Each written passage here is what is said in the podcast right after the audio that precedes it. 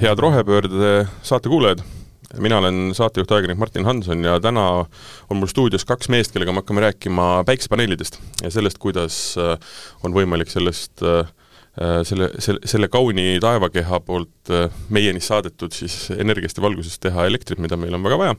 me räägime taastuvenergiast ja me räägime sellest, kas täna on Eestis mõtet nii-öelda hakata ise tootma, kuna on mõtet hakata asjaga nii-öelda pihta kuhu need paigutada, millised on nii-öelda siis tootmismahud ja nii edasi, nii edasi.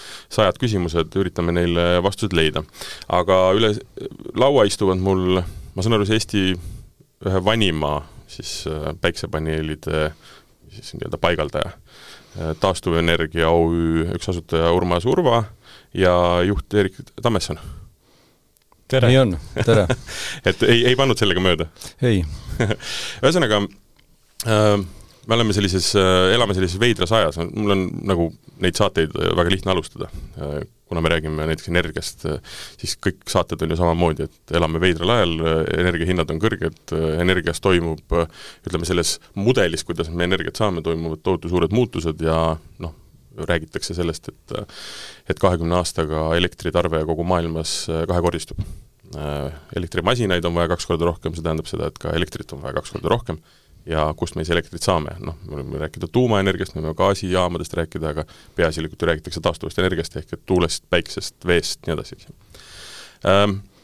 alustaks seda, seda saadet selle küsimusega, et äh, tehnoloogia on äh, nii-öelda selle päiksepaneelide ju põhialus, eks ju.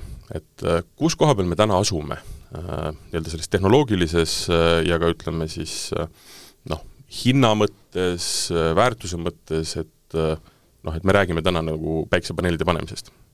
et siin on olnud ju erinevaid aegu, kus on noh, on, riik on pakkunud toetust, on joostud tormi, eks ju, siis me rääkisime siin saateväliselt, et äh, oli nii-öelda pensionirahade väljavõtmine, mis ka väga paljuski investeeriti siis päiksepaneelidesse, eks ju, et äh, noh, on olemas, on olnud nagu hullu, hullusid aegasid, eks ju, aga kus me täna oleme? on see nagu mõistlik ja, ja, ja miks ta on mõistlik? no ma pakun välja siin sellise sellise mõtte, et kui me räägime siin äh, päikeseenergiast, et kas see on mõistlik või mitte, mitte mõistlik, siis äh, või millal on mõistlik alustada, siis, äh, siis ma arvan, et see on tegelikult mõistlik iga kell, noh, ütleme niimoodi, et oleks võinud nagu, nagu öeldakse investeerimise kohta, et oleks võinud juba teha eile, eile. Mm -hmm. jah, et võib-olla veel parem kui eelmine aasta. ja, ja seetõttu noh, jääb niisugune noh, me võime minna päris, päris kaugele tagasi, et, et mis teeb selle asja mõistlikuks, ongi ju see, et see hind on meie jaoks muutunud, miks me sellest täna räägime. sest see hakkab äh, meile valu tegema mm. -hmm. ja, ja see päikesepaneelide teema võib-olla on selline teema, kus, äh, kus me saame iseennast aidata me ei saa endale osta tuumajaama või, või, või suurt tuulikut, noh, osad inimesed võib-olla saavad, aga ta on ikkagi niisugune pigem selline suurem teema, siis tõesti, päikeseenergia on selline skaala, kus me saame ise enda jaoks midagi ära teha. see on, see on minu nägemus mm -hmm. sellest ma olen Urmasega sama meelt, et äh, ma olen ka mõelnud, et ma oleks võinud kõik oma äh, kinnisvaratehingud ära teha üheksakümnendate alguses, aga ma olin siis äh, üsna noor inimene veel et äh, äh, kui alustada näiteks see aasta, teha ettevalmistused, et paigaldada järgmine aasta, see on väga õige aeg mm. -hmm. see, et energia tarbimine ära kaob, äh, seda on nagu raske uskuda. Pigem on just nagu point selles, et päikesepaneelidega on võimalik toota elektrienergiat täpselt seal, kus sa tarbid. teised Äh, tootmisvõimsused äh, üldjuhul kaugemal. sellist võimalust ei paku mm. -hmm. ja, ja sealt tuleb see väga otsene efekt äh, äh, ka läbi, ütleme siis ülekande, ülekande poole. ehk siis see, see osa jääb ära ma pigem võib-olla küsisin ka selles valguses, millest me ka kohe rääkima hakkame natukese aja pärast, on nii-öelda noh, tehnoloogiline areng, eks ju. hinna asjast me saame kõik aru, see, nagu sa ütlesid, teeb valu, eks ju.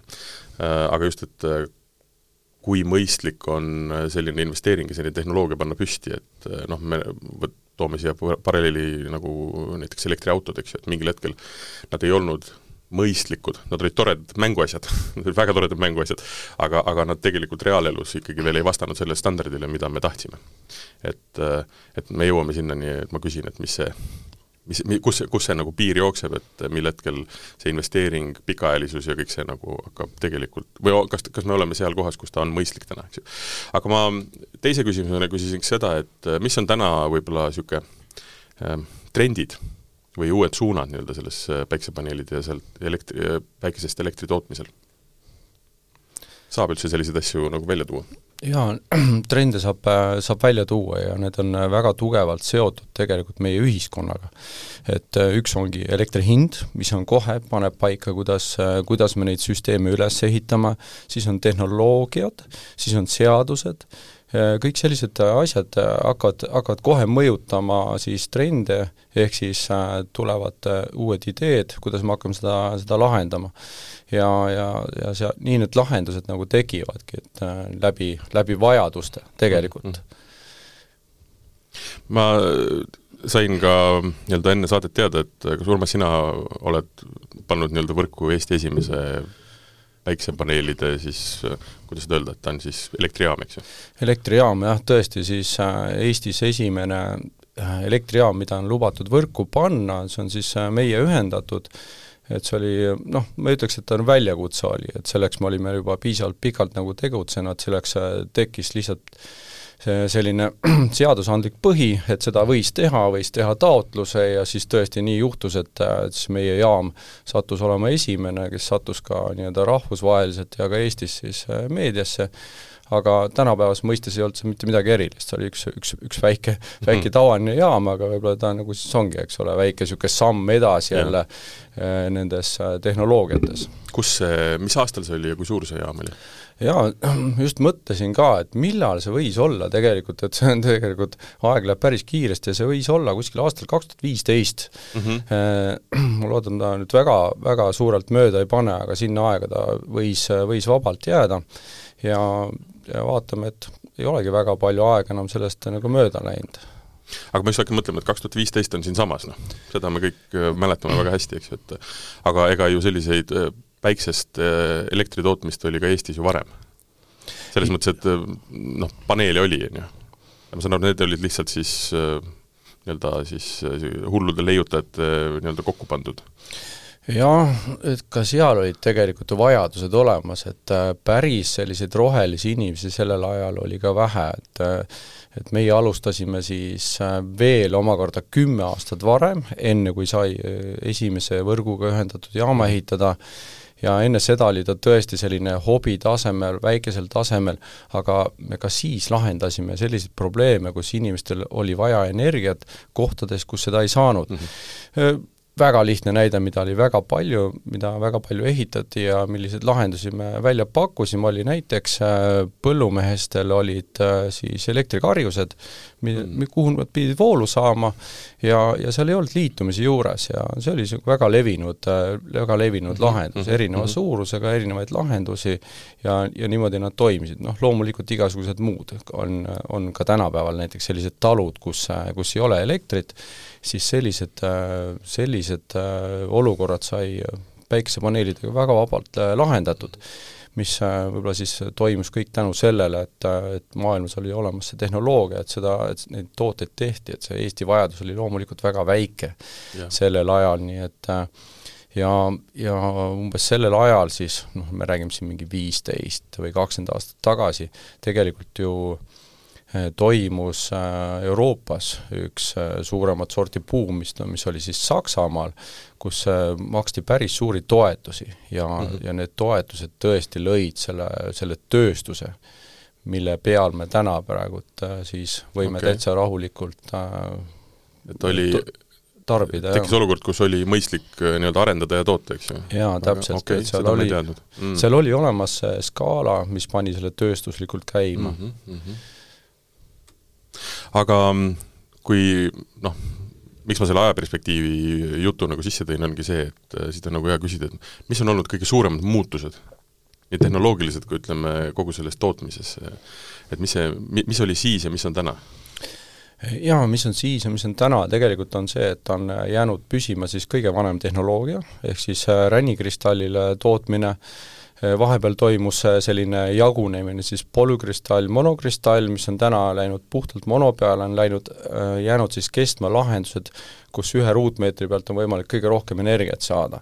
siis vahepeale tekkisid sellised õhukesekilelised süsteemid, mille vati hind oli väga madal, aga ometi nad ei löönud läbi, nad surid kõik välja ja, ja noh, keegi ei ole nüüd otseselt välja öelnud, miks, aga kui ma võtan nagu enda kogemuse pealt ja see, kuidas me ikka täna seda näeme, siis sul on vaja mingi pinna pealt saada võimalikult palju energiat mm. -hmm. ja kui see süsteem on äh, odav, aga nõuab palju pinda, mida meil tihti ei ole, noh, kui me mõtleme ka Euroopa peale, Eestis tõesti võib-olla oleks põllupindadena, siis, siis tõesti need tehnoloogiad läbi ei löönud, need surid kõik välja mm. -hmm ja, ja täna neid praktiliselt enam ei näe nii et äh, kestma jäi ikkagi see kõige vanem tehnoloogia, ehk siis ränikristallil äh, tehnoloogia nüüd uusi praegu näha juurde tulemas ei ole. Äh, ja noh, siin kindlasti noh, mina märkan ja kindlasti paljud teised on ka märganud, et et me tea, aeg-ajalt loeme kuskilt, et keegi leiutab mingi tehnoloogia, mingi uue nii-öelda, mis on, mis on odavam või efektiivsem, aga need ei ole reaalselt turule jõudnud et üks asi ongi, kui ta on odav, siis ta on äh,, ei ole siis piisavalt efektiivne, meil ei ole lihtsalt pinda selleks, näiteks kui me mõtleme tavalise eramaja peale, võtame täitsa lihtsalt, meil on üks tavaline eramaja, meil mahub sinna kümme-viisteist kilovatti paneele, aga mis on meil sellest kasu, kui me saame sinna väga odavalt panna ainult viis kilovatti näiteks mm, -hmm. siis me lihtsalt ei taha seda ja see ongi see, see määratlus. et, et miks me seda ei ole nagu veel, veel kasutuses näinud aga mm, üks asi, mis on ju, või noh, ütleme, võib-olla kõige olulisem, kust ütleme, alustada äh, üldse, üldse mõtet, et kas panna või kuhu panna ja millised äh, siis paneelid panna, on see, et äh, mis see nagu eesmärk on, eks ju. et mm, ma saan aru, et mm, väga, väga nii-öelda, või kõige mõistlikum on see, et sa paned ikkagi enda tarbeks, noh, sa ka, Eerik, ütlesid, et et võimalikult lähedal toodad energiat sellele tarbimiskohale, eks ju, et, ähm, et see tähendab seda, et sul on, ma ei tea, täpselt noh, mingisugune tootmine, sul on külmhoone, sul on, ma ei tea, viljakuivati, eks ju, või, või kodumajapidamine mm,, sa paned paneelid, toodad endale elektrit ja mis on siis üle, selle saad müüa võrku, eks ju. Ähm, versus siis see, et sa teed omale täitsa nagu jaama jaama ja oled elektritootja, eks ju mm. -hmm. et äh, kust otsast on nagu mõistlikum hakata selle mõttega peale, et ma tahaksin investeerida oma raha päiksepaneelidesse, ma tahaksin olla nii-öelda ise elektritootja? siin äh, sõltub sellest, mida, mis siis inimesel ikkagi võimalik on, ma leian. et kõik, mis sa kirjeldasid, äh, kõik need on reaalsed stsenaariumid, äh, tootmisettevõtted ja, ja eraisikud oma kodudena ähm,. siin tulebki mõelda, et kas seda tuleks võtta kui äriprojekti, ehk siis mõelda endast kui, kui elektritootjast Äh, või siis äh, äh, ennekõike tarbijast ja tarbija võib olla väga vabalt tootmisettevõte, büroohoone, rääkimata kodust. üldiselt inimesed on, on ärkvel siis, kui väljas on valge ja nad lähevad tööle siis, kui, kui väljas on valge, masinad töötavad siis, kui väljas on valge. see tähendab seda, et kohe on võimalik ka elektrit valgusega toota või ütleme, päikesest toota nii et selles mõttes tulebki defineerida see, see vajadus enda jaoks ja, ja need mõlemad variandid on, on head, toimivad ja kui ütleme, head selles mõttes, et kui sul ei ole näiteks tootmishoonet, sa ei, sa ei ole tootmisettevõte, aga sul on äh, mingi pind äh,, kus siis on võimalik äh, jaam püsti panna, kus lähedal on tarbimine, täiesti toimiv äh,. ja, ja iseendale siis äh, nii-öelda elektrit tootes äh, vabaned ka kohe võrgutasudest ja, ja lisanduvatest äh, mm. muudest, muudest maksudest ja. nagu aktsiis, taastuvenergiatasu ja protsent sellest äh, nii-öelda elektriarvest just, just. nendel äh, komponentidel on väga suur. on suur, jah. nelikümmend kuni kuuskümmend protsenti, on ju? ah, nii võib, nii võib öelda küll, jah, et saab kui... kohe need kõrvale jätta, juba see on ju võit, üsna, üsna korralik. see on selge võit, jaa. et kõrged elektrihinnad on palju käinud meediast läbi äh, aga sinna jah, elektriarvele, kui, kui eraisikuna oma ka kodust elektriarvet vaadata, siis sinna liituvad alati juurde äh, maksud, aktsiis ja, ja taastuvenergia tasu ja käibemaks ja need olenevad siis jah, elektri hinnast, võivad moodustada tõesti sellise osakaalu, nagu sa ütlesid. et selles mõttes äh, ei ole otseselt äh, nii-öelda vale või noh, valet suunda, kust otsast alustada. et kas sa võtadki kätte ja tahad olla elektrijaam, ise seal otsas ei ole, müüd seda võrku või siis teisipidi ikkagi algselt mõtled enda nii-öelda vajaduste peale ja siis teiste vajaduste peale? jaa, kuna selle äh, jaama eluiga äh, on nii pikk mm, -hmm. siis me ka oma klientide pealt ja, ja ka siin ütleme, oma inimestel on kodus paigaldatud jaamad, me näeme, et, et see kuidagi kahjulik rahakotile ei ole mm. -hmm. et see on ainult aja küsimus. Hea küsida, teil on ajalugu pikk, et kumba eelistatakse Eestis? kumba pigem, kumba suunda on mindud? kas olla tootja lihtsalt või siis vaadatakse ikkagi nii-öelda enda seisukohast? ma arvan, et siin ei olegi nagu valitud nagu mingit suunda, vaid siin ongi tõesti, ärimehed võtavad ja hakkavad äh, raha tegema ja ja, ja inimesed lähenevad vastavalt oma võimalustele või vajadustele, ütleme noh, pigem rohkem jäävad võimalused siis nagu need piiravaks võib-olla, et et noh, kas kellelgi ei ole nii suurt pinda maad või ei ole nii palju võib-olla siis vahendeid, mida investeerida, et ja siis üks trend, mida noh, kindlasti võib nagu välja tuua, et mitte keegi ei kahetse, et ta tegi mm. selle jaama, pole veel siiamaani kuulnud, kõik on väga rahul, noh, see, see kõlab küll musta huumorina, aga enamasti öeldakse, et peale jaama panekut äh, äh, loodetakse, et hinnad oleks võimalikult kõrged, elektrihinnad oleks võimalikult kõrged. et see on nagu, see on nagu valdav mm, -hmm. et äh, jälgitakse ja siis ollakse mures, et ega hind liiga madalaks ei läheks elektril. Ja, ja teine niisugune noh, kui ma ütlesin, et, et keegi ei kahetse, siis, siis pigem on see, et üritatakse noh, jaamasid suuremaks ehitada. kui alguses sai valida mingisuguse nägemuse järgi ja kui tekib mingi võimalus, et, et on võimalik juurde panna, siis, siis tõesti seda tehakse, et ma pakun välja, et selline praegu kuskil kolmkümmend protsenti klientidest on need, kes ehitavad oma jaamasid siis suuremaks ja laiendavad mingil kujul. Mm et ühesõnaga, tegemist ei ole vaid maratoni, vaid ikka ultramaratoniga, kui me räägime siin kakskümmend viis aastat, noh et, et seda igapäevast, igakuist äh, nii-öelda tootmist ja ja nii-öelda bilanssi vaadata on ikkagi üsna nagu, ma kujutan ette, et see võib olla tüsilik mingil hetkel. mille, milleks seda teha, eks ju? Jah, jah, jah, täpselt. Okei okay, äh,, aga see tähendab siis, võtan kokku, et et äh, nii-öelda investorid panevad lihtsalt elektrijaamadesse, seal ei ole lõpuks nagu vahet, kas nad investeerivad sellesse või mõnd-, kuskile mujale, nad paigutavad raha, eks ju mm, -hmm. ja siis inimesed, kellel on nagu võib-olla piiratumad võimalused, nemad vaatavad selle seisukohast, et vähendada oma arveid või oma mingit probleemi lahendada, eks ju. jah, täpselt, täpselt nii see ongi mm,. Kas äh, on ka kuidagi see vahe, et äh, on tööstuseid rohkem või on kodusid rohkem? Äh, jaa, me võime võib-olla niimoodi öelda, et kui me ütleme, et üks jaam on üks tükk, siis mm., siis võib tõesti olla, et võib-olla siis äh, eramajasid või erakliente on rohkem äh,. Aga, aga, aga on võimsused on tõesti teised ja, ja kokku siis ütleme, tööstuskliendid saavutavad võib-olla suurema mm. võimsuse.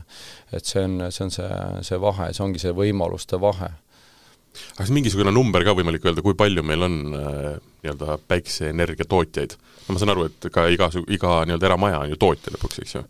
mis see number võiks olla? jaa, see on see on päris, päris huvitav küsimus tegelikult, ma kujutan ette, et kuskil on olemas äh, mingisugune statistika nii-öelda selles mõttes Elektrilevi kuskil kindlasti jah, on, on olemas ja, ja kuidas nende arvude taha vaadata, kui me vaatame nagu enda, enda numbreid, siis me, ma arvan, et me oleme jõudnud äh, ehitatud jaamade osas juba tuhandeteni mm. -hmm. et äh, aga see ei ütle nagu selles mõttes midagi, et pigem on tõesti nende jaamade võimsus ja see nagu oluline aga räägime siis võimsusest, mis on võib-olla kõige väiksemad ja mis on kõige suuremad, et see nagu skaala ka selgeks saada? jah, see skaala selgeks saada, tegelikult see ongi niimoodi päris, päris huvitav, et see skaala on, ongi täitsa lai äh,, nii nagu ette kujutada võib äh,, ma arvan, et kõige väiksem jaam, mis me oleme ehitanud äh, nii-öelda võrguga liitumiseks on siis äh, kuskil poolteist kilovatti mm, -hmm. mis ei ole peaaegu mitte midagi, eks. ja, ja teisest küljest siis suuremad jaamad ulatuvad siis äh, megavattideni mm -hmm. ja, mhm. ja täpselt sinna vahele nad kõik, kõik jäävadki, kuigi jah, tõesti, era, eraisikute puhul on siis praegu kõige populaarsem viisteist kilovatti, nii et see on siis mm -hmm. see mhm. piir, kus on võimalik praegu üsna kiiresti ja mõistliku hinnaga saada siis äh, liitumine mm. -hmm poolteist kilovatti, mitu paneeli see on? Jaa, poolteist kilovatti, on tõesti, me loeme siin äh, mõningaid üksikuid paneele, see on alla, all, see võib olla isegi alla kümne paneeli, kuskil äh, seitse-kaheksa paneeli, selline väikene jaam, aga, aga see noh, kui ma ütlesin, et inimestel on erinevad võimalused, siis ma tean selle konkreetse jaama puhul äh, noh, mida ma, minu teada kõige väiksem, mis me, meie oleme mhm, teinud mm, -hmm siis seal lihtsalt ei olnud, ei olnud katusepinda, kuhu mm., kuhu neid paneele panna ja see, see panigi selle piiri paika. Yeah.. Ja, ja sealt, sealt see nagu tuleb, et ma tean, et see omanik nii-öelda mõtleb ja, ja tahab veel midagi mm -hmm. nagu mhm, juurde mhm. panna, aga, aga noh, kui pinda ei ole, siis ei, ei saa aidata alati. mulle lihtsalt väga meeldib see, et ka seda on võimalik jaamaks kutsuda, elektrijaam et äh, me, ma saan aru, me, me oleme elektrijaamadest, kui me räägime, siis me saame, vaatame nii-öelda Narva poole, on ju, hiigel, hiigelmajad, eks ju, aga see on ka jaam loomulikult. jah, loomulikult, et äh, me võib-olla jah, oleme harjunud, et äh, võib-olla vanast ajast, et need jaamad tõesti olid sellised suured, et noh, Eestis üks jaam, eks ole, või, või kuidagi niimoodi, aga siis nüüd, nüüd ongi tõesti igalühel võimalik ühte jaama omada nii-öelda no vot, miks ma seda, miks ma need viimased küsimused ka küsisin, ongi see, et saada aru, et mis see nagu skaala on, et me ei räägi siin seda, et et tuleb alustada, ma ei tea, hektarist, ruutkilomeetrist, kui tahad jaama ehitada, või et sul on vaja tohutut nii-öelda laopinda, laokatu- või jah, laokatuse pinda, et panna mingisugune jaam paika, vaid et ongi võimalik alustada pooleteisest nii-öelda kilovatist ja minna siis nagu suuremaks vastavalt vajadustele, et et igale inimesele on see tegelikult noh, kättesaadav, kui sa tahad seda, on ju. et see ei ole mingi ulme. et see on nagu see, mis ma tahtsin nagu näidata, et et ma ei, inimesed, kes kuulavad, ei hakkaks mõtlema sellest kui mingisugusest noh, las nad räägivad, et see minu, minusse ei puutu, aga tegelikult iga katus, iga pind põhimõtteliselt mingi lahendus on võimalik leida, eks ju. jah. et kui sul on ka väike katus, siis võib-olla äh, on seal taga ka väike tarbimine, nii et igal juhul see on tasakaalus. Äh, me oleme ka seda tähele pannud, et äh, ähm, et üks jaam võib e, siis eelneda teisele jaamale, et mõni klient paneb jaama püsti kodus ja näeb, et see, see on mõistlik ja teeb seda siis ka oma, oma ettevõtte juures, nii et mm -hmm siin ei ole nagu seda alustamine, alustamine ei ole ära määratud.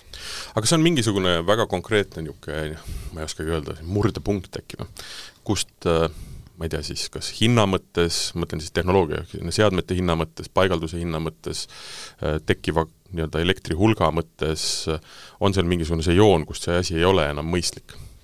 selles mõttes, võtame näiteks sellesama pooleteist äh, kilovatise nagu jaama, eks ju, et et kas sel-, see noh, kuna te panite ta püsti, siis järelikult on mõistlik, eks ju, mm. aga, aga et et noh, et, et, et kas seadmete hinnad on tulnud siis niivõrd alla ja, ja nende efektiivsus on muutunud lihtsalt nii heaks, ähm, kus see, kus see nagu murdepunkt on? ja ma ei tõmbakski siia sellist äh, murdepunkti, et või ütleme, kas tasuvuspunkti, et see võib olla niimoodi, et ta, ta tasub natukene hiljem ära mm. -hmm. ja see hakkab, hakkab sellest pihta, et äh, et paneel maksab ühepalju, kas sa ehitad megavatise jaama või tõesti paned mm -hmm. seal ühe paneeli, see paneel maksab ju sama palju.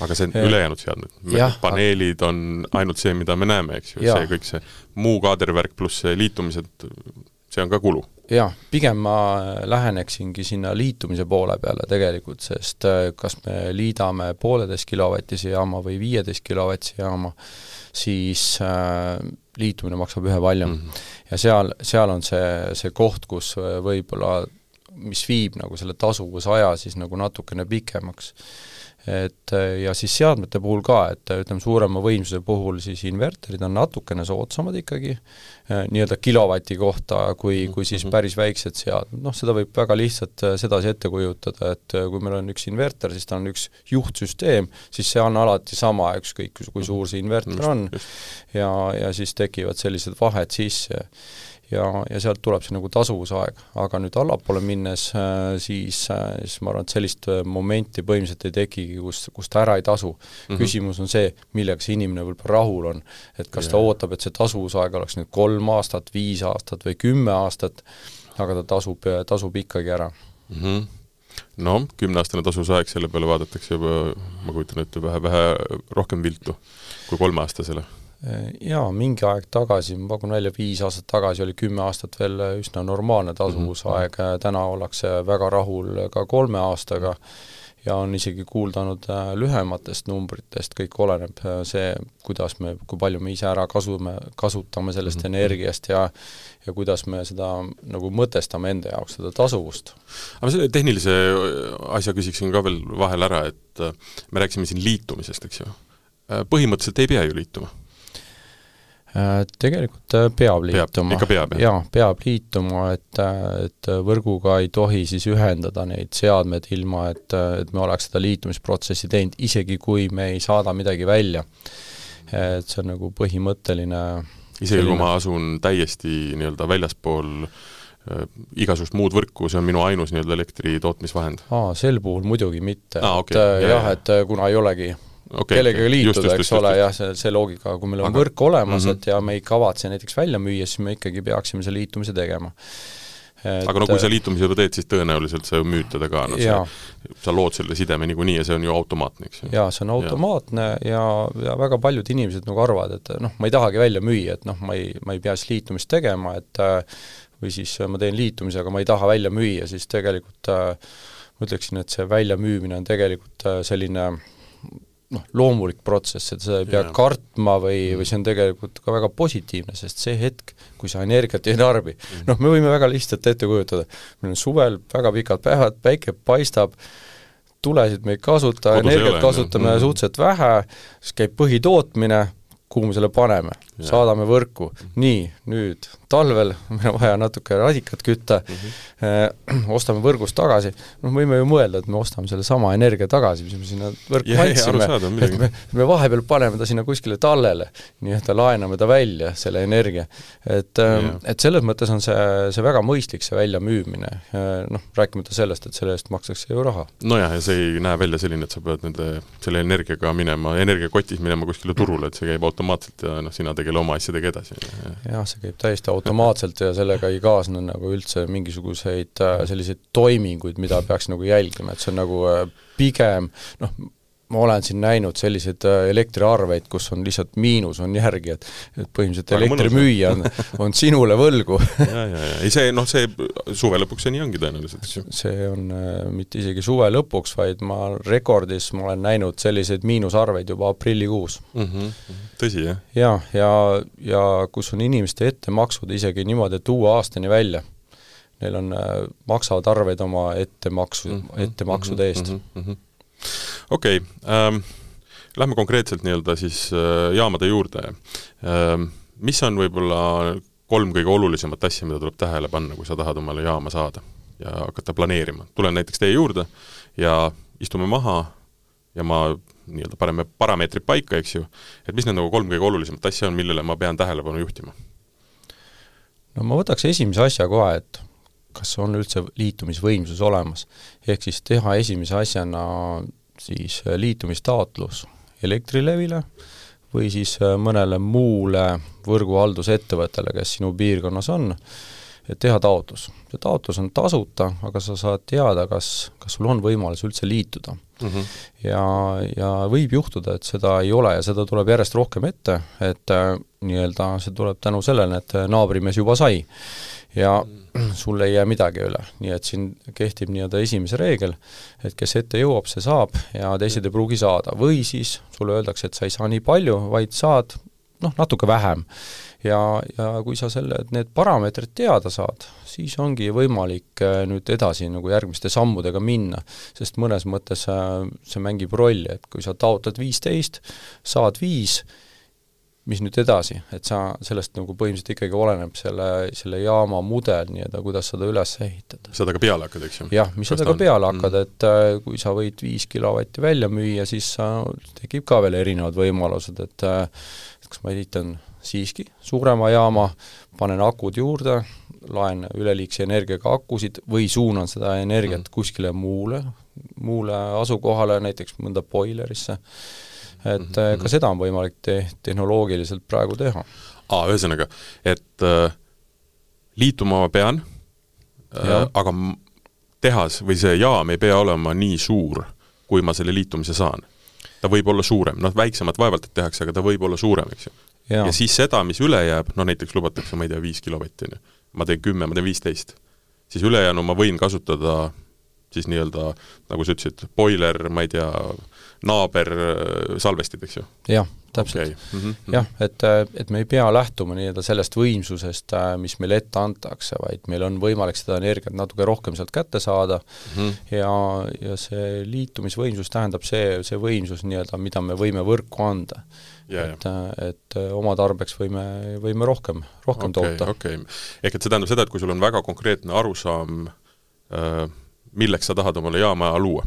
mis tähendab seda, et noh, näiteks lepidki laambrimeestega kokku, eks ju, ja, ja ma ei tea, seal veel salvestid ja ma ei tea, mis iganes asjad, ja siis lähed, teed selle liitumise ja sa tead, et no näed, saan viis korda vähem.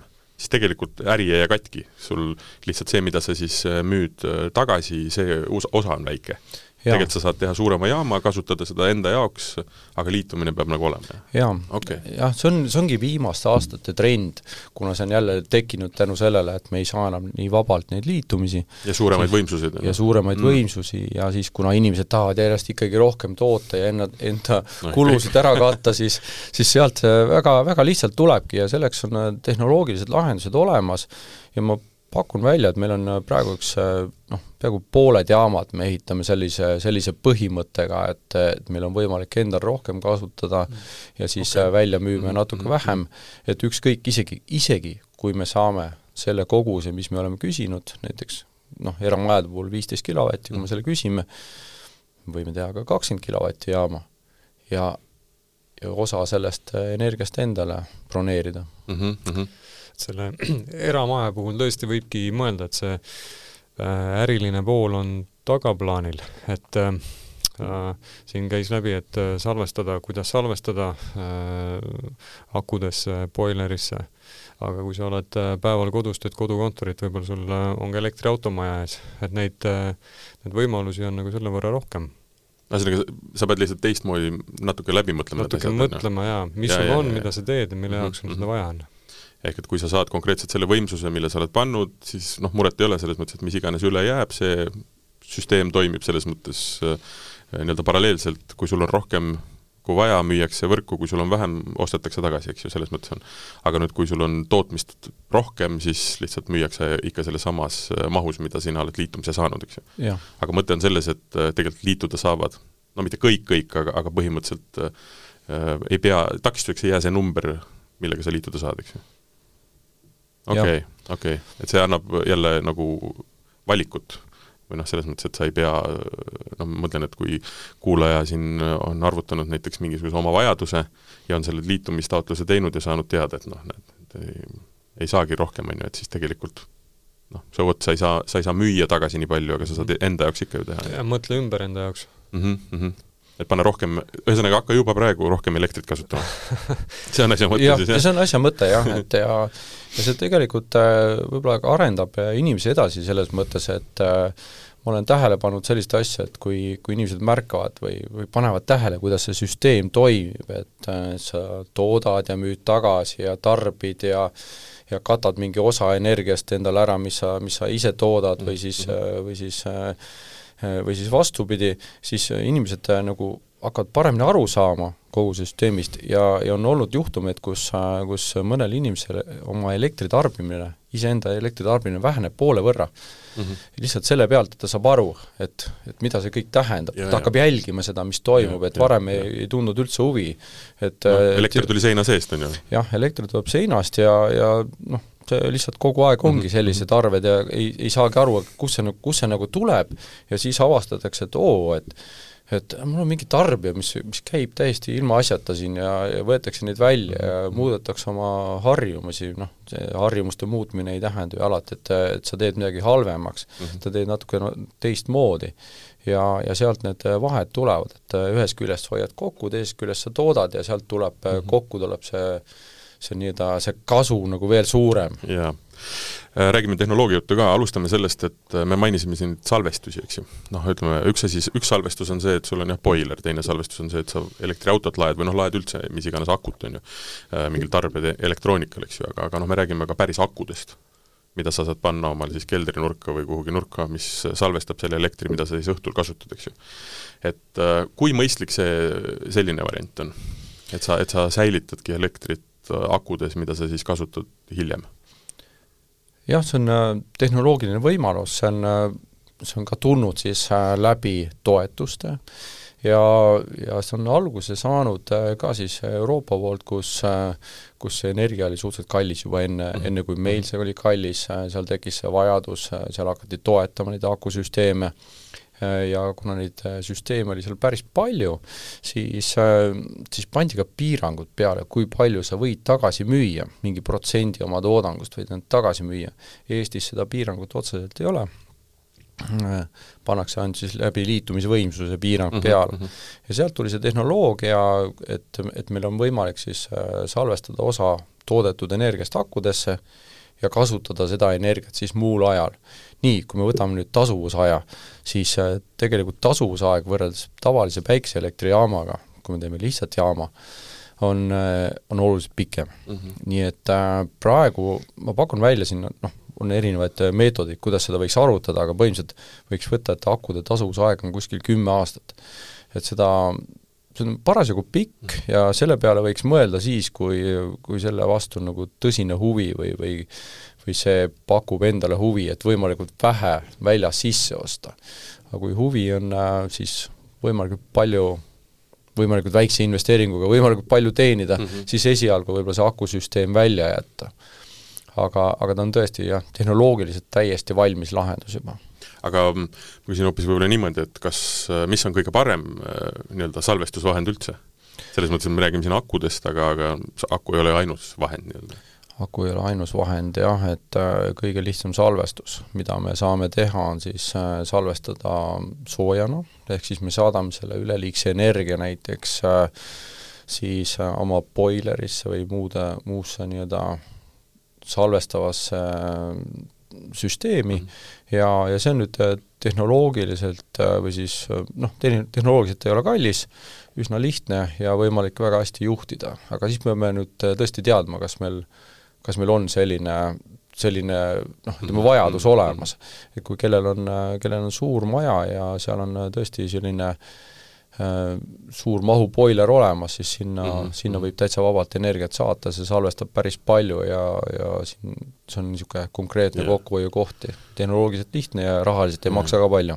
noh, iseenesest kui me lähme nii-öelda nagu eramajast kaugemale, räägime näiteks ma ei tea, võtame ühe, mm, ühe elurajooni võtame, ütleme, viiekordsed majad, ma ei tea, viis tükki neid, on ju, et ma, ma lihtsalt lugesin äh, põnevat artiklit, soomlased mm, arendavad välja, ma ei tea, kas see oli Tampere ülikool või kus nad seda teevad, on nii-öelda salvestusliivad, eks ju. noh, see on natukene suurem äh, nii-öelda siis, siis, siis äh, salvesti ja masinavärk, eks ju, seda eramajja tõenäoliselt ei ole, ei ole nagu rentaabel panna, aga, aga põhimõtteliselt noh, on, on igasuguseid erinevaid viise, kuidas seda energiat salvestada, mis sul üle jääb, on ju jah, need tehnoloogiad on olemas, tihti on see nüüd sellega seotud, et me, kui me ehitame uut maja, siis me juba, juba peame arvestama sellega. et, et seda nagu olemasolevatele majadele lihtsalt niisama lihtsalt mm -hmm. juurde ei pane mm. -hmm. et mõnes mõttes on noh, ütleme siis küttevete salvestamine ongi, ongi samasugune tehnoloogia, lihtsalt natukese väiksema skaalaga, ütleme eramajas, mis on kasutatav mm. -hmm, mm -hmm. Um jõuame nüüd nii-öelda konkreetselt äh, nende siis paneelide ja, ja muu selle tehnoloogia juurde, eks ju, et ja ma saan aru, et, äh, et taastuvenergia tegeleb äh, Saksa siis nii-öelda komponentidega, eks ju. Saate nüüd põhjendada, miks see, miks see parem on ma arvan, et kõik teavad juba, miks see parem on, eks ju, aga, aga noh, et oma sõnadega ma saan aru, et siis kõrval on meil Hiina, eks ju, või noh, ütleme niisugused odavama, odavama klassi nagu vahendid, et, et Äh, ma saan aru, et äh, me räägime siin pigem sellest, et kui pikalt äh, üks jaam siis nagu vastu peab, eks ju. mis, mis, mis ajaraamist sa saad rääkida, mis see investeeringu noh, tasuvusaeg, vastupidavus ja nii-öelda lõpuks nii-öelda kulud-tulud, eks ju?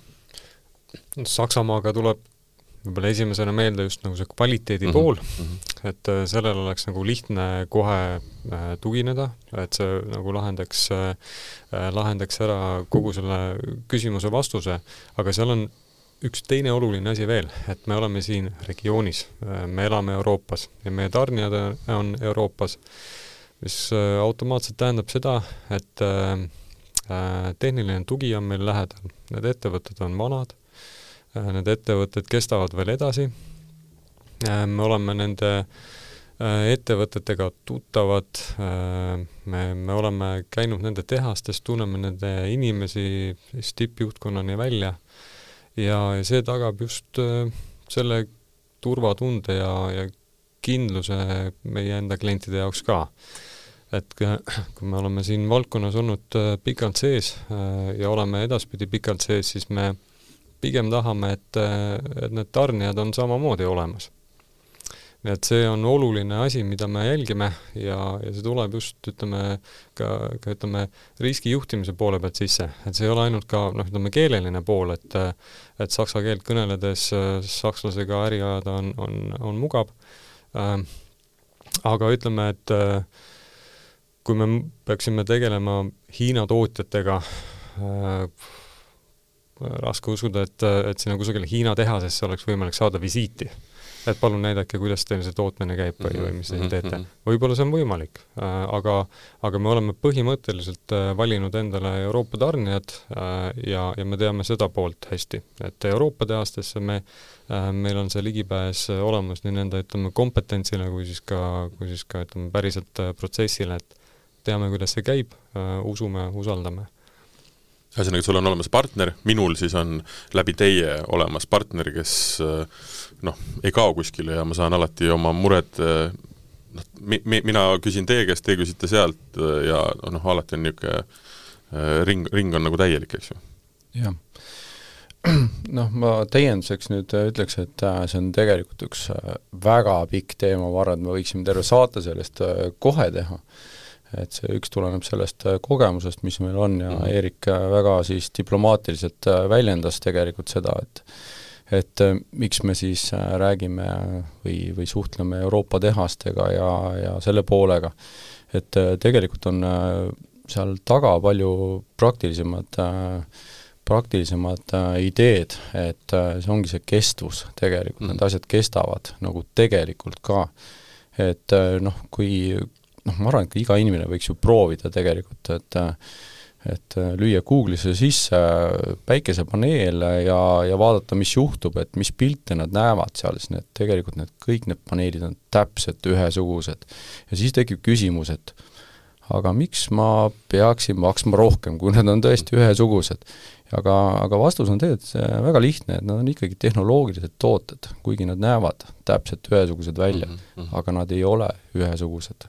sest seal on väga suured vahed sees ja sealt tulevad need hinnavahed ja kui, kui me mõtleme, et me ostame selle süsteemi noh, täna ma võiksin öelda, et noh, kolmkümmend pluss aastat, siis äh,, siis äh, tuleb see asi osta korralik, sest äh, muidu võiks see nii-öelda need tasuvusajad, millest me siin ka varem rääkisime, need, need ei pea.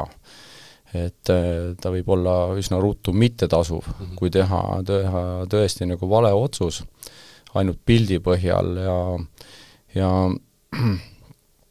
noh, ma toon, toon niisuguse ühe lihtsa, väga lihtsa näite, et äh, kui me võtame mingi päiksepaneeli, on tõesti nad ühesugused, siis äh, loeme mingeid andmelehti, siis äh, kõige huvitavam ongi, et kõige pikema garantii ja kõige parema jutuga on kõige tundmatumad tootjad, ja kui me seda kõike uskuma jääme, mis seal kõik taga on, siis, siis me oleme kindlasti petta saanud. Üks väga lihtne meetod on, kuidas, kuidas siis ütleme, erinevaid tootjaid valideerida, on nii-öelda, kui me lööme mingi margi või, või tootja nii-öelda jälle Google'isse sisse ja kui me leiame vastuse sealt esimeste otsingu tulemuste seast ja esimese põhimõtteliselt kümne sekundiga või viiekümne sekundiga, siis, siis me oleme suhteliselt, suhteliselt õigel teel, et äh, et see tootja on tõesti olemas, vaadata mm, -hmm. kas ta on ka Euroopas esindused olemas ja, ja sealt tulevad need äh, nii-öelda need mm -hmm. nii-öelda õigemad mhm. tooted aga me räägime ikkagi väga konkreetselt sellest, et ühe jaama eluiga ongi kakskümmend viis, kolmkümmend aastat. jaa. See ei ole nii-öelda müügijutt, vaid need täiesti nii-öelda tehnoloogiliselt ongi võimalik, et see jaam on niimoodi püsti kolmkümmend aastat? jaa, et siin on noh, näiteks on sellised äh, linnalegendid käivad, käivad ringi, mida noh, ma olen ise ka näinud, mida küll viimasel ajal on vähem, aga räägitakse tõesti, et paneelid peavad paar aastat vastu ja siis tuleb need välja vahetada, aga aga võib-olla see ongi asi selles, et on ostetud natuke vale asi võib-olla, kui kellelgi see kogemus on. Ka, ka meil on olemas see kogemus, et me oleme välja vahetanud jaama, mis on poolteist aastat vana, sest lihtsalt on jäädud uskuma seda ilusat juttu, mis seal kaasas on ja ja, ja kahjuks omanikule lõppes see sellega, et ta pidi oma jaama välja vahetama, nii-öelda korralike asjade vastu mm. -hmm. siis me võime öelda, et loomulikult see tasuvusaeg läks tema jaoks pikemaks. et äh, kuna algselt sai tehtud vale otsus võib-olla mingite väga ilusate numbrite pealt. hinna, hinna pealt puhtalt, jah? Isegi ma pakuks välja, et ei olnud hind äh, see, see juhtum, et see oli ka üks Hiina, Hiina tootja, äh, ühe Hiina tootja süsteem, millel äh, nii-öelda noh, propageeriti siis teatud omadusi, mida siis tegelikult ei olnud mm. -hmm ja asi lõppes sellega, et äh, ei olnud ka tehnilist tuge, nii et äh, lõpuks tuli kogu siis äh, streikiv süsteem noh, ütleme Euroopa Euroopa siis mm -hmm. lahenduse vastu välja vahetada. sest no ma arvan seda, et kui ma noh, Google'ist rääkisime, ma arvan, kui ma kirjutan praegu Google'isse sisse, siis selle sama vestluse ajal siin, kuulates teid, ma võin omale jaama ära tellida. algusest lõpuni selles mõttes. ja ma arvan, et see hind ei ole ka nii hirmus, kui ma võib-olla arvan, eks ju. aga see, mis kohale jõuab, seda me ju kunagi ei tea, mis see täpselt on. pluss see..., pluss kes selle üles paneb, eks ju. jaa, seda ma kindlasti ei soovita, et, et tellida komponendid ära, et sa peaks tõesti olema väga teadlik sellest, mida sa tellid ja mida sa saad, neid lugusid on väga palju, mis me oleme kuulnud, nad kahjuks tulevadki niimoodi, et, et tullakse meie juurde abi otsima nii-öelda, et ma tellisin ära ja see asi enam ei tööta või mitte enam ei tööta, vaid ei ole algusest peale töötanud mm -hmm. ja tahetakse abi, et siis on, me oleme võtnud seisukoha, et me ei saa selles puhul nagu aidata. sest tihti on ka see see lihtsalt ka olemasolevad teadmised selles mõttes ei aita, kui see tehnika on kehva, siis, siis me seda parandama ei hakka ja mm -hmm. ja väga tihti need asjad ei tööta koos et siin ongi väga oluline nagu mõista, et, et kui me vaatame erinevaid komponente, et, et need asjad peavad kokku sobima mm, -hmm. ei piisa ütleme, üksikutest headest komponentidest, kui nad omavahel kokku ei sobi. ja, ja see ongi üks põhiline meie töö, millega me tegeleme ja või kelle, millega me olemegi algusest peale tegelenud mm, -hmm. et aru saada, kuidas need asjad kokku panna. et äh, et äh, põhimõtteliselt nii lihtne ta ei ole, et ma vaatan korra mingi, äh, võib-olla siis mingi video selle kohta või loen väikest tutvustust, no, no lihtsalt ta ei lähe. no võtame niimoodi, et äh, mina olen tegelenud juba ütleme, võiksin täna öelda, et üle kahekümne aasta selle teemaga ja, ja tegelikult ma õpin iga päev juurde. et seda ei ole võimalik äh, mõne hetkega lugeda. no vot, seal ongi see, et ma arvan, et me oleme jõudnud oma noh, nii ühiskonna kui ka mina vähemalt kindlasti ka inimesena jõudnud sellesse nagu äh, punkti, kus tegelikult ma mõistan väga hästi lauset, äh, et äh, ma ei ole nii rikas, et osta odavaid asju. see kõlab võib-olla veidralt, eks ju, aga, aga see tegelikult on jumalast tõsi, sest et kui me räägime siin tõesti kolme, kahekümne viie, kolmekümne aastasest nii-öelda ta-, siis elueast tasuvusajaga, mis iganes ta seal sõltuvalt on, eks ju, siis noh, mõistlik on ikkagi võtta ma ei räägi isegi noh, jah, kas teie või, või mõni muu nii-öelda kvaliteetse siis komponendiga töötav, töötav ettevõte, kus sa saad olla väga kindel, et see asi ka tegelikult toimib, pluss sul on jah, nii-öelda partner olemas, pluss sul on garantii, pluss sul on noh, kõik asjad, eks ju. et, et selles mõttes ma, ma jah, ma ei tahaks olla selle inimese nahas, kes on omale teinud nii-öelda odava Hiina ja noh, antud juhul ma saan aru, see Hiina seal tähendabki täpselt seda, mida me Hiina puhul nagu täpselt mõtleme, eks ju, et pool, poolkvaliteetne asi pandud kokku lihtsalt selleks, et ära müüa, jah, nii ta, nii ta on, et see kvaliteet on A ja O pluss, pluss kõik asjad peavad omavahel sobima. see lihtsalt on niimoodi. et äh, ühekordsed lahendused ei, ei olegi teema, nii et äh, kui sa ütled, et et ei ole nii rikas, et äh, osta odavaid asju, see ei kõla, see ei kõla valesti. ja, ja ütleme ka täna meie ühiskonnas ka inimestel on ootus kauakestvate ja. Äh, lahenduste vastu ja ja mis on veel hästi oluline, ma arvan, mis on veel hästi oluline, on see, et äh, ma ei taha, see ei ole minu, näiteks kui ma teen selle investeeringu kas ma panen jaama püsti lihtsalt raha teenimiseks või ma panen ta koju omale või kuhu asja, minu huvi ei ole sellega hommikust õhtuni tegeleda. või, või, või iga kuu võtta üks päev näiteks, et noh, täna ma pean tegelema sellega, ma ei tea, seal vahetama mingeid juhtmeid ja, ja teda, ma ei tea, ümber seadistama või jumal teab, mida tegema. võib-olla ma kasutan täitsa valesid termineid, aga see selleks. et mina tahan, et ta töötaks niimoodi, et mina saan oma elu elada, teha seda asja, mis ma teen, ta on lihtsalt üks vahend mul, eks ju.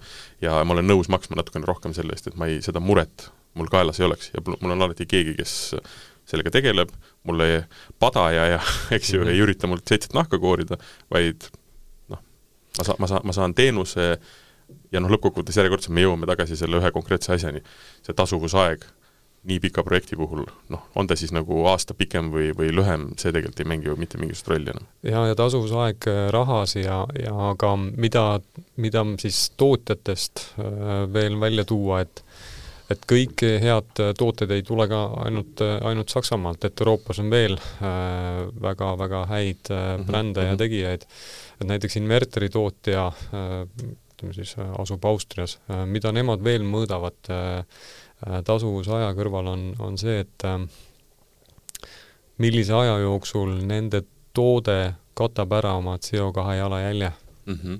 Mm -hmm. nii et äh, see on meil üks mõõde juures ja, ja need ärimudelid sobivad meile, see vaade tulevikku sobib meile, me tahame teha koostööd selliste ettevõtetega, nagu me äh,, nagu me iseennast näeme. et see on meile oluline, jah mm. -hmm. kui me neid teemasid kokku leppisime, siis äh, või, või jah, teemasid kokku leppisime, millest me täna siis räägime, siis äh, minuni jõudis ka selline nii-öelda märksõna nagu optimizer. hea küsida, et äh, mis asi see on ja miks seda vaja on kui on vaja?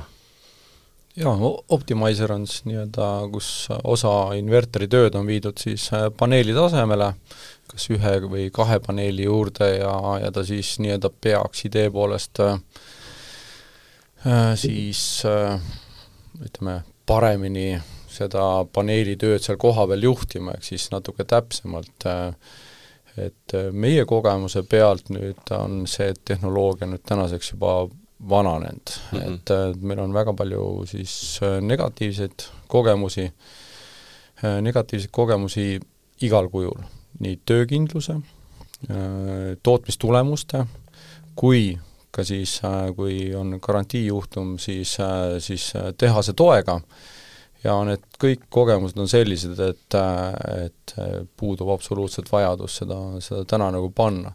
noh, ma tean, et kui, kui kui lüüa see tõesti kõige lihtsam, Youtube'i sisse Optimizer, sa saad väga ilusaid videosid mm, -hmm. võid näha, et äh, animeeritud, miks see on hea, et ta on kõige parem asi üldse, mida, mida sa üldse otsustada saad, kuid äh, see info on seal kõik vana. Ta on tõesti mm vana tehnoloogia, selles mõttes vana, et teda äh, Optimizerit võrreldakse siis äh, vana tehnoloogia paneelidega, mida ammu enam ei ole, ja uue tehnoloogia paneelid äh, töötavad äh, juba ilma optimizerita paremini mm. -hmm. et äh, see on nagu see meie kogemus, mis me oleme siit saanud ja, ja meil on ka olemas äh, täiesti võrdne jaam, kus on siis üks pool on optimizeritega ja üks on ilma, ja ma võin öelda, et see optimizerite pool ei tööta sama, samal mm, -hmm. sama kvaliteetselt või siis ei tooda sama energiat, mis, mis nii-öelda see nii-öelda tavatehnoloogia. ja ja see on nüüd see koht, kus, kus tõesti äh, optimaiseritega süsteem on kallim tegelikult, et see ongi no,, see ongi äh, nii-öelda tehnoloogia, seal on lisaelektroonika, mis pannakse mooduli tasemele ja ta on, ta on kallim, see on lisakomponente ja, ja tulemuseks on natukene kehvem tulemus. nii et, äh, et meie jaoks on ta siis nii praktiliselt ja kogemuslikult täiesti nagu ära ütleme, vana tehnoloogiaga siis tänaseks juba mm.. mis tähendab siis seda, et äh, nii mina kui kuulajad antud kontekstis ei pea selgeks tegema, mis asi on optimizer, unustame sellist ära?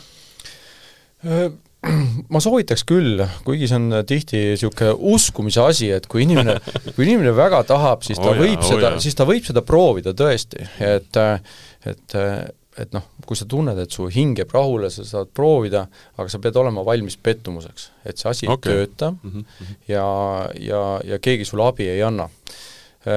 Äh, noh, väga, väga lihtsalt ma võiks seda selgitada umbes selliselt, et neid optimaisereid müüa, siis neid müüakse väga pika garantiiga. Äh, kõlab hästi, kakskümmend viis aastat garantiid antakse optimaiseritele ja, ja palun väga, kliendi mõistes ju väga mõistlik, aga see asi lõpeb tihti sellega, et äh, optimiseri vahetus, seda, ja seda juhtub üsna tihti, et seda tuleks vahetada, nad lihtsalt äh, on, lähevad läbi mm, -hmm. ei tööta enam ja, ja see, keegi peab selle ära vahetama ja selle vahetusega on üsna palju tööd. et keegi peab minema katusele, vahetama selle ära, nüüd tootja ei maksa selle vahetuse eest ta maksab ainult nii-öelda selle optimiseri eest, eks ju, seadme eest. seadme eest mm -hmm, jah, et kui ta mm, -hmm. kui ta selle ära vahetab nii-öelda, et äh, võib juhtuda, et äkki ta isegi ei vaheta seda teatud tingimustel, siis, äh, siis äh, sa ei leia kedagi, kes tahaks seda tasuta vahetada, ehk siis selle vahetus võib minna palju kallimaks kui see optimiser ise, ja tulu ja, sellest? ja, ja tulu sellest ju ei mm., ei ole. et okay., et see on nagu see kogemus, mis on sellest nagu, nagu tulnud, et see on äh, nii-öelda okay. paberi peal ja igal pool on ta väga hea, päriselus äh, ma ei ole näinud väga head süsteemi. selge, siis jääb äh, tahavaatepeeglisse ja rohkem sellest ei räägi. aga millest me räägime, on raha, mis on ju alasti kõige, kõige olulisem, eks ju, et noh, me rääkisime sellest poolest, et et igal juhul on nagu kasumlik, igal juhul on mõi-, noh, kui sa sellega tegeleda tahad, et see eluiga on nendel jaamadel pikk, tasuvusaeg sõltuvalt suurusest siis noh, mis iganes aastad, aga, aga ikkagi kümme korda vähem, viis korda vähem kui see, mis ta on eluiga, eks ju, ja sõltuvalt siis elektri hinnast, sõltuvalt sellest, kus ta pandud on, tegelikult noh, alati oled sa plussis. Noh, vähem-rohkem, see on nagu juba siis nagu koha küsimus mm. -hmm. aga räägime sellest, et äh, palju see maksab, et ma omale selle jaama saaksin oh.. ma saan aru, et loomulikult äh, poolteist kilovatti ja megavatt, noh, seal me räägime numbri erinevused, noh, nulle saab järjest taha panna, eks ju, aga noh, ütleme, räägime mingisugusest, äh, mis me võtsime siin, keskmine on viisteist kilovatti. no räägime näiteks, võtame selle aluseks, et et millise investeeringuga ma pean arvestama ja mis on need komponendid, mis võib-olla seda hinda muudavad jah, see, vaikus, vaikus. see, see on al alati nii ja et äh, Ähm, et palju, palju miski asi maksab, sõltub lõpuks äh, äh, mida sa siis kokku paned, aga aga antud juhul enne me rääkisime liitumisest ka, et ähm, et liitumisega on tõesti selline lugu, et see võib olla selline komponent, mis äh, võib üllatada. Ähm,, võib-olla hea asustusega piirkonnas, kus äh, äh, ütleme, sellist nagu tarbimist on lähedal ja ja võrk, võrk võimaldab, siis äh, liitumine on mingi standard hinnakomponent. Aga võib ka saada päris üks huvitava hinnapakkumise, et saada liituda ka väike jaam, et ja, ja need, see huvitav on siis nagu jutumärkides, et need summad on, võivad olla päris suured, et nagu Urmas ütles, et hakkab pihta sellest, et äh, tee see taotlus ära, see ei maksa sulle midagi, aga sa, sa võid saada päris äh, olulise info, info kätte. kas ma eksin, äh, kui ma, tuleb meelde, et kas see oli elektri, see oli päikeseelektrijaama nii-öelda liitumine, kui kas see oli kuus miljonit? oli mingi number, mida mul tuleb praegu meelde, et sellest me rääkisime ja, siin paar aastat tagasi, eks ju? jaa, see, see on täitsa tulnud ette või noh, ma ütleksin, peaaegu et tavaline kus küsitakse, küsitakse liitumine ja saadakse siis äh, vastuseks äh, miljonitega miljonitega summad. aga see põhjus on sellepärast, et see konkreetne punkt, kuhu on vaja nagu ennast liita, on kaugel, keeruline, nii edasi? Noh? jah, ta, kas ta on kaugel või keeruline, seda on juhtunud ka keset linna tegelikult, neid suuremaid summasid okay. ja, ja kõik tulenebki sellest nii-öelda konkreetsest äh, piirkonnast ja kuidas Elektrilevi siis oma äh, oma süsteemi arvutab, et kas sinna saab või ei saa või kui suured on need investeeringud, et see, see liitumine sinna tekitada mm, -hmm. siis, siis jah, miljonitega summad ei ole, ei ole haruldus mm, -hmm. need tulevad täitsa ette ja siis äh, loomulikult äh, sul ei tasu seda jaama ehitada, et äh, ma ei tea kedagi, kes oleks, kes oleks mõne, mõne mikrojaama siis sellise summaga teinud Äh, küll aga ütleme, tavahinnad on seal kuskil viiesaja euro äh, ringides äh, liitumine okay. ja, ja nüüd kui ja see sellest... ei sõltu nii-öelda sellest võimsusest, mis sa saad, see on nüüd konkreetne nii-öelda abonement nii-öelda? jah, nii-öelda abonement jah, seal viisteist kilovatti, noh, me rääkisime sellest, et see viisteist kilovatti äh, toimub kõige kiiremini, see on mm -hmm. nii-öelda mõne kuu jooksul peaks selle liitumise saama mm -hmm. ja, ja üle selle siis võib võtta siin aega siin aasta ja võib-olla isegi peale et sellepärast on see viisteist nii-öelda levinud, levinud suurus, kus see mm -hmm. piir tõmmatakse ja ja nüüd nendest nii-öelda väiksematest jaamadest ja nende liitumis, liitumise hinnad, et siin on läinud ka mõned natukene kallimad, nii-öelda siin tuhat eurot ja natukene peale, kus on ka niimoodi, et et äh, kus inimene ise otsustab, et okei okay,, ma ikkagi tahan, ma teen selle ära, et see on, mhm. see on nagu tõesti võimalik ja veel, veel nagu mõistlik. aga see, see ei tundu väga suur summa, arvestades, me räägime siin kolmekümneaastasest äh, nii-öelda toimimisest ja noh, see ei ole väga suur summa. jaa, me nihutame ju tasuvusaega, nii et, et igaüks äh, mõtestab ja. seda endale nagu erinevalt, et mm, päris mhm, tasuta me mhm. liitumist ikkagi ei saa, sellel on mingi hind ja siis nii-öelda jääme siis sinna, sinna piiridesse kui me räägime nüüd äh, jaama enda hinnast, äh, siis, äh, siis tõesti see noh, väga raske on nagu öelda, et mis, mis see jaama hind on, sest tegelikult noh, mõnes mõttes on kõik lahendused ju personaalsed, et meil on no mul on nii palju raha, mingi lahendus on olemas, eks jah okay., mingi lahendus on olemas, et kas, kas see pannakse rahaga paika, võimsusega paika, on ka disain, on üks teema, nii-öelda kui, kui inimene valib äh, Äh, täiesti süsimustad paneelid koos mustade klambritega, et ka see on, see on võimalik nii-öelda, mille eest on võimalik siis natuke rohkem maksta, nii et mhm. seetõttu see hind nagu kõigub, aga, aga sellegipoolest võib niisuguse keskmise hinna nagu välja tuua, et äh, kui me arvestame umbes euro eurovati kohta, ehk siis viieteist kilovatine jaam, äh, umbes viisteist tuhat eurot mm, -hmm. siis ta umbes sinnakanti jääb. noh, mhm. võtame niimoodi, mhm. mõnel on natukene odavam lahendus, kuna noh, tingimused on paremad või katusekatematerjal võimaldab kasutada mitte nii kalleid lahendusi või siis äh, jah, niimoodi, niimoodi hakkab see selle ümber nagu kõikuma, see hind mm. -hmm. Et see on umbes niisugune suurusjärk, mida mida peaks äh, lihtsalt võtma arvesse, jätma nii-öelda meelde, kui sa tahad hakata selle jaamaga tegelema, on ju? jaa, need on suurem seda hind läheb, mida väiksemaks, arusaadav, jah. jaa, et me ei pea seda arvutust nagu tõesti nagu väga, väga keeruliseks tegema, et ja. Äh, võtame, et äh, et äh, näiteks üks kilovatt maksab tuhat eurot mm -hmm. Ja, ja kui me mõtleme siia juurde, et, kui lihtsate numbritega edasi minna, siis, siis üks kilovatt jaama toodab sulle tuhat kilovatt-tundi aastas, siis, siis on need väga lihtsad, lihtsad numbrid, millega mm -hmm. nagu arvutada, mhm. et, et mis ta maksab ja mis ta toodab. üks oluline küsimus on ju ka see, et noh, et, et päikesest elektri tootmine seal mängib rolli, kuhu sa paned need paneelid. Selge on see, et varju ei tohi panna, no ei ole mõtet, on ju.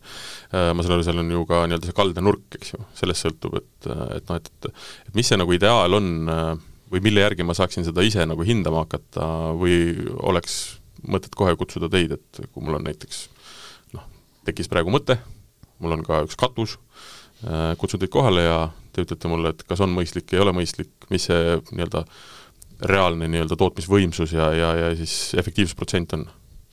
Jaa äh,, jah, see, see mõistlik ongi jälle, ta on, ta on, ta on päris huvitav, et ta on nagu hästi paljudele inimestele on see mõistlikkuse punkt alati äh, väga, väga erinevas kohas. et ähm, aga kui me mõtleme nagu palju tootmise peale, et äh, kuidas me seda toodame, et siis äh, ja siis hakkame mõtlema, et mis on mõistlik või mis on kasulik, et siis see on, need põhimõtted on huvitaval kombel ajas muutunud et see on nagu noh, kuna me ise oleme nüüd tõesti juba kakskümmend aastat juba sisuliselt tegelenud ja siis on see mõnes mõttes nagu nagu selline ajalugu on olemas mm -hmm. ja selline, saad nagu hinnata nagu mis, mis varem on toimunud, et siis siis varem oli tõesti kolmkümmend või kolmkümmend viis kraadi kaldenurk, otse lõunasse, ainuke mõistlik suund, siis, siis tänapäeval on hakanud see mõtteviis muutuma, aga seda tuleb ka selgitada tegelikult, et miks ta hakkab muutuma.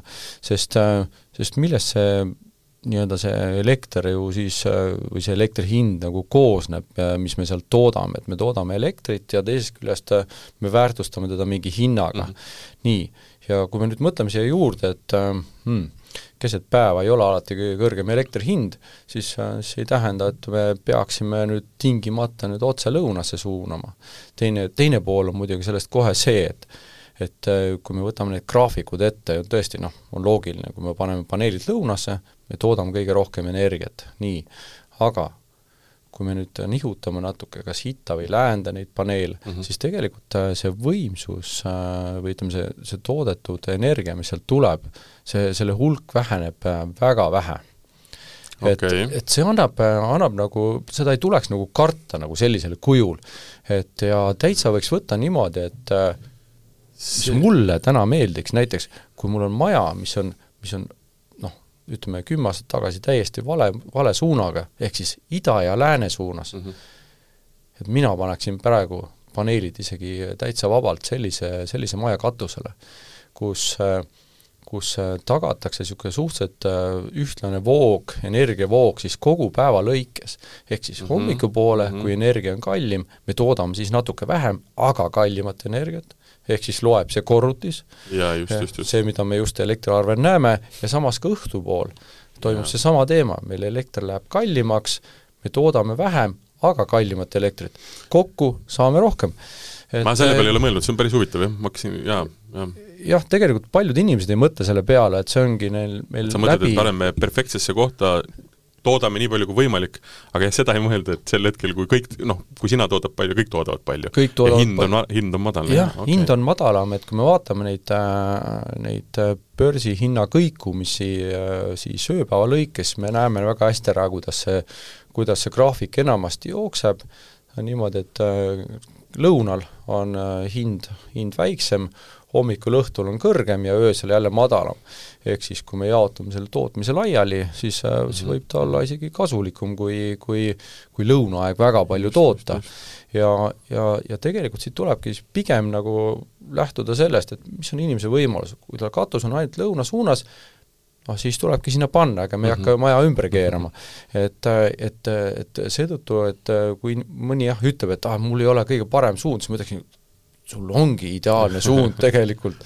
et okay,, et need põhimõtted ja, hakkavad, hakkavad muutuma mm. -hmm. ja see kõik tulebki ju sellest, et äh, energiahinnad on erinevad. et ühesõnaga, lõppkokkuvõttes äh, tuleks ikkagi kutsuda teid kui eksperte kohale, kes näevad ära noh, asju, mida mina nii-öelda diletandina ei ole kunagi, millele ma ei ole mõelnud lihtsalt, on ju. mis on kõik äh, selle, selle suure võrrandi komponendid, mille me lõpuks loome ja millest me saame siis teada, kui suur, mismoodi see kõik on nagu võimalik ja mis on need siis tulemused, eks ju. et noh, ma olengi, mul on hommikul ja õhtul toodan, siis kui ma kodus olen, väga mugav mulle endale. või kui on päeval, siis on päeval, noh, siis ma mõtlen jälle teistmoodi ringi, noh, mis iganes jaa, see, see on okay., see on selles mõttes hea mõte, et eh, tõesti, ega ei peagi eeldama, et kõik on kohe päikseenergia spetsialistid mm. -hmm. et, eh, et eh, noh, ma julgen ennast vaevu, vaevu spetsialistiks nimetada peale ka peale kahtekümmet aastat, et, et see, kuna see kogu aeg areneb edasi mm ja meil on kogu aeg õppida ja iga, igapäevaselt teeme, teeme seda nii-öelda täiendust endale, nii et see on üsna lõputu teema. selge, müüdud Äh, rääkisite mu pehmeks, äh, tahan omale saada elektrijaama. Äh, mis edasi saab, kaua see aega võtab, kuidas see protsess käib? no meie puhul üks äh, moodus, kuidas võiks alustada, on äh, on siis liikuda meie kodulehele, et seal on täiesti olemas koht, kus sa saad välja vaadata ka enda jaama maksumuse mm, -hmm. ilma et sa meiega suhtleksid. see on siis taastuvenergia.ee? jah, just lähed sinna kodulehele ja seal on võimalik siis nii-öelda hakata ise looma seda pilti, mida sa oled nagu mõelnud, eks ju? jaa, põhimõtteliselt seal on vaja teha ainult mõned valikud, et äh, noh, näiteks, et sul on siis maja, eks ole, ja milline on see katus, ja, ja siis, kui see lõppnumber sulle sobib ja sa tahad dialoogi tulla, siis, äh, siis seal on ka nupp, mis seda võimaldab ja siis me hakkame suhtlema ja ja noh, me arvestame ka sellega, et äh, paljude jaoks on see esimene kord äh, mhm. midagi sellist mm -hmm. teha ja, ja paljude jaoks ka viimane kord, et olgu ta siis hästi tehtud ja siis tulebki rääkida. nii et äh, sealt hakkab siis minema, et, et siis meie, meie inimesed asuvad sinuga suhtlema ja, ja paigalduse ajad on, on niimoodi, et kõik sõltub et kõik, noh, paraku see nii on, et, et ta tõesti sõltub, et mida me ise oleme teinud, on see, et me hoiame oma laod materjali täis ja me vaatame tulevikku, me vaatame niimoodi, et äh, me teeme see aasta tööd, aga me teeme ka järgmine, ülejärgmine aasta tööd mm, -hmm. nii et et meil ei ole suur laoseis nagu takistuseks, et pigem on, pigem on see olnud just nagu väga vajalik. ja nüüd ütleme, kui see materjali teema on nagu selge, eks ole, siis, siis tuleb ka leida see sobilik aeg et teatud, teatud tingimustes noh, me jälgime ikkagi ilma, et mm -hmm. täna kusagil viilkatuse peal on, on ohtlik, nii et kui sa mm -hmm. täna ütled, et hakkame hakkame pihta, et ma olen nüüd, mina olen valmis, eks ole, siis, siis me vaatame, et ka ka keskkonnatingimused on valmis, et me saaksime selle töö ära teha. noh, maajaamade puhul tegelikult me suudame ka aasta ringi äh, teha mm, -hmm. toimetada, et äh, ka noh, vaatame ikkagi ilma, aga põhimõtteliselt on see võimalik, et äh, võib juhtuda, et õnnestub kohe, võib juhtuda, et läheb aega. aga mis see, mis see kohe on ja mis aega, et kui aega läheb, mis see tähendab ah, siis? kohe ongi niimoodi, et võibki sattuda, et, et see asukoht näiteks sobib hästi ähm, ja, ja see see materjali maht on, on parasjagu sobiv ja, ja kusagil on jäänud võib-olla mingi, mingi lünk graafikusse ja me võime selle võtta, äh, võtta töösse. Äh, aga kui on aega, siis, äh, siis võib ka juhtuda niimoodi, et, et mm, noh, võib-olla kuid, et ma ei hakka seda, ei ja, hakka ja. ilustama ka, et meie juurde on ka tulnud inimesed, kes tulevad mõne teise pakkumisega, teiste materjalidega ja nad ütlevad konkreetselt, et et me teame, et te tegelete näiteks Prooniuse inverteritega, ma tahan just seda saada mm -hmm. ja, ja siis me oleme võib-olla pidanud ütlema, et äh, tead, äh, seda, seda mudelit praegu ei ole, eks mm -hmm, ole mm, -hmm. ja ta ootabki ära terve hooaja ehk siis ta, ta paigaldus toimub äh, võib-olla augustis-septembris või, või kusagil sealkandis, aga aga see on jälle see teema, et kuidas keegi asjadest, asjadesse suhtub, mis tal on oluline, mõni ootab ära, mõni ei oota, aga, aga need on need nii-öelda ausad vastused, nii, nii see asi käib. Noh, lihtsalt äh, siin enne saate salvestama panemist äh, ma saan aru, me rääkisime sellest, et noh, märts on see, kui inimesed ärkavad, et nüüd võiks tegeleda elektrijaama ehitamisega, eks ju, no see on samamoodi nagu, et et äh, lumelabidat minnakse ostma siis, kui lumi sajab, eks ju, mis tähendab seda, et kõik tahavad seda, mis tähendab mm -hmm. seda, et noh, et, et tekibki järjekord, eks ju, et et noh, ideaal oleks vist see, et sa hakkad mõtlema selle peale septembris, noh, või, või, või no, novembris või detsembris ja siis põhimõtteliselt märtsis on ehitamine. see oleks ideaal, ma saan aru, sest siis sa oled selles hooajas sees, on ju see võib olla kellegi jaoks ideaal ja kellegi teise jaoks on ideaal see, et hakkad suve lõpus äh, või suve keskel ja. mõtlema, oled järgmiseks aastaks okay, valmis, nii et äh, et me ei, me ei välista midagi ja ja mis seda lumelabida näidet puudutab, siis noh, lumelabida müüjana peaksid olema valmis selleks, et tuleb talv, eks ole, me oleme valmis, et tuleb suvi ja me hakkame, hakkame tööd tegema niimoodi, et äh, et, äh, et kogu aeg teeme tööd. Ja me oleme selleks valmis. Äh, ja, ja noh, põhimõtteliselt äh, mida, mida jah, tõesti võiks nagu ideaaliks äkki siis pidada, et enda meelerahu säiliks, siis noh, mõned vanasõnad on päris kasulikud, et äh, nagu öeldud, et äh, rege rauta suvel, oli mm, -hmm. oli selline ütlus. nii et äh, siin siis äh, võib, võib arvata, et äkki hakkab plaanima siis sel sügisel äh,, kasuta seda aega planeerimiseks ja ja, ja, ja me paneme su paigalduse graafikusse märtsis ja, ja sa oled väga õnnelik. ühesõnaga äh, ühesõnaga ei ole, ei ole selles mõttes probleemi, et peaks mõtlema väga-väga pikalt ette, tuleb ette mõelda, arusaadav, aga, aga mitte nii kui, pikalt. kui sul on plaan elada veel, äh, siis igal juhul planeeri ette, eks ju. planeeri ette, et äh, tuleb see suvi ja tuleb järgmine suvi ja nõnda edasi ja, ja ega ainult suvi ei ole see tootmisaeg, et ja, äh, sisuliselt ja. me, me oleme näinud Äh, meil endal kontorilao katusel on samamoodi jaam, et äh, ainsad kuud, kus me siis oma tarbe kõrvalt võrku ei müü, on detsember ja jaanuar, et mm -hmm. ülejäänud kuudel me müüme ka võrku. et üldiselt on Eestis head tootmistingimused, nii et hakkame kevadest sügiseni ja suurepärane, need on ju ainult positiivsed uudised. just. et ühesõnaga ei ole, et ütleme, et kehtib, kehtivad needsamad reeglid, et äh, pigem ikkagi eelistada kvaliteetset, eelistada inimesi, kellel on kogemus, äh, saab alati nõu, eks ju, ja, ja põhimõtteliselt mis, mis tegelikult on selle juures väga, väga lahe, on see, et et ähm, noh, raha ei jää takistuseks ja koht ei jää takistuseks. lihtsalt tuleb vaadata, mis kuhu sobib, eks ju, ja milline see, milline see soov on, vajadused ja nii edasi, et, et põhimõtteliselt noh, mõned aastad tagasi lihtsalt oli see jutt, et et noh, mingisugusest võimsusest alla ei ole mõtet tulla, kuna tehnoloogia maksab lihtsalt liiga palju, sa ei saa, tasuvusaeg läheb väga pikaks, eks ju, või siis teisipidi, et noh, sul täpselt see kaldenurk ja kõik need asjad, et sul on nagu, peavad olema ideaalsed tingimused, et ma saan aru, et täna on see nagu ikkagi oluliselt nagu leebemaks läinud, et äh, saab igale poole panna. jah, tehnoloogia ja teadmised on appi tulnud, nii et mm -hmm. kui sulle tundub, et et on keeruline, siis võta ühendust ja, ja., ja pakutakse välja lahendus, mis on võib-olla tõesti sulle just täpselt sobiv. näed, et sul on siin väike nii-öelda pind või katus või, või lihtsalt nii-öelda hea koht, et tasub alati nagu mõelda selle peale. ikka. suurepärane, mina sain küll rohkem infot ja ütleme, ma, ma ütleme, ma see nii-öelda taastuvenergiate suhtes ei ole kunagi olnud skeptiline. aga pigem just selles, et et noh, mis kui ilus on see jutt, mismoodi seda toota on, eks ju. et seal on alati olnud nagu kahtlused, et aga väga veenvalt rääkisite. ma ju, ma usun, et see on ka täitsa tõsi, nii et kogemusi on kakskümmend aastat, siis noh, ma arvan, et ei ole, ei ole selle uskumisega nagu probleemi. Saade, mida te kuulasite, oli Rohepööre, mina olin saatejuht, ajakirjanik Martin Hanson ja me rääkisime äh, päikesepaneelidest ja päikeseelektrijaamade ehitamisest, üle laua istusid mul Taastuvenergia OÜ asutaja Urmas Urva ja juht äh, Eerik Tammesson. Ähm, järgmine rohepööre on teisel teemal, aga loomulikult me jääme nii-öelda sellesse rohemaailma, on see energias, on see mingis muus valdkonnas, aga siit me kuskile ei lähe.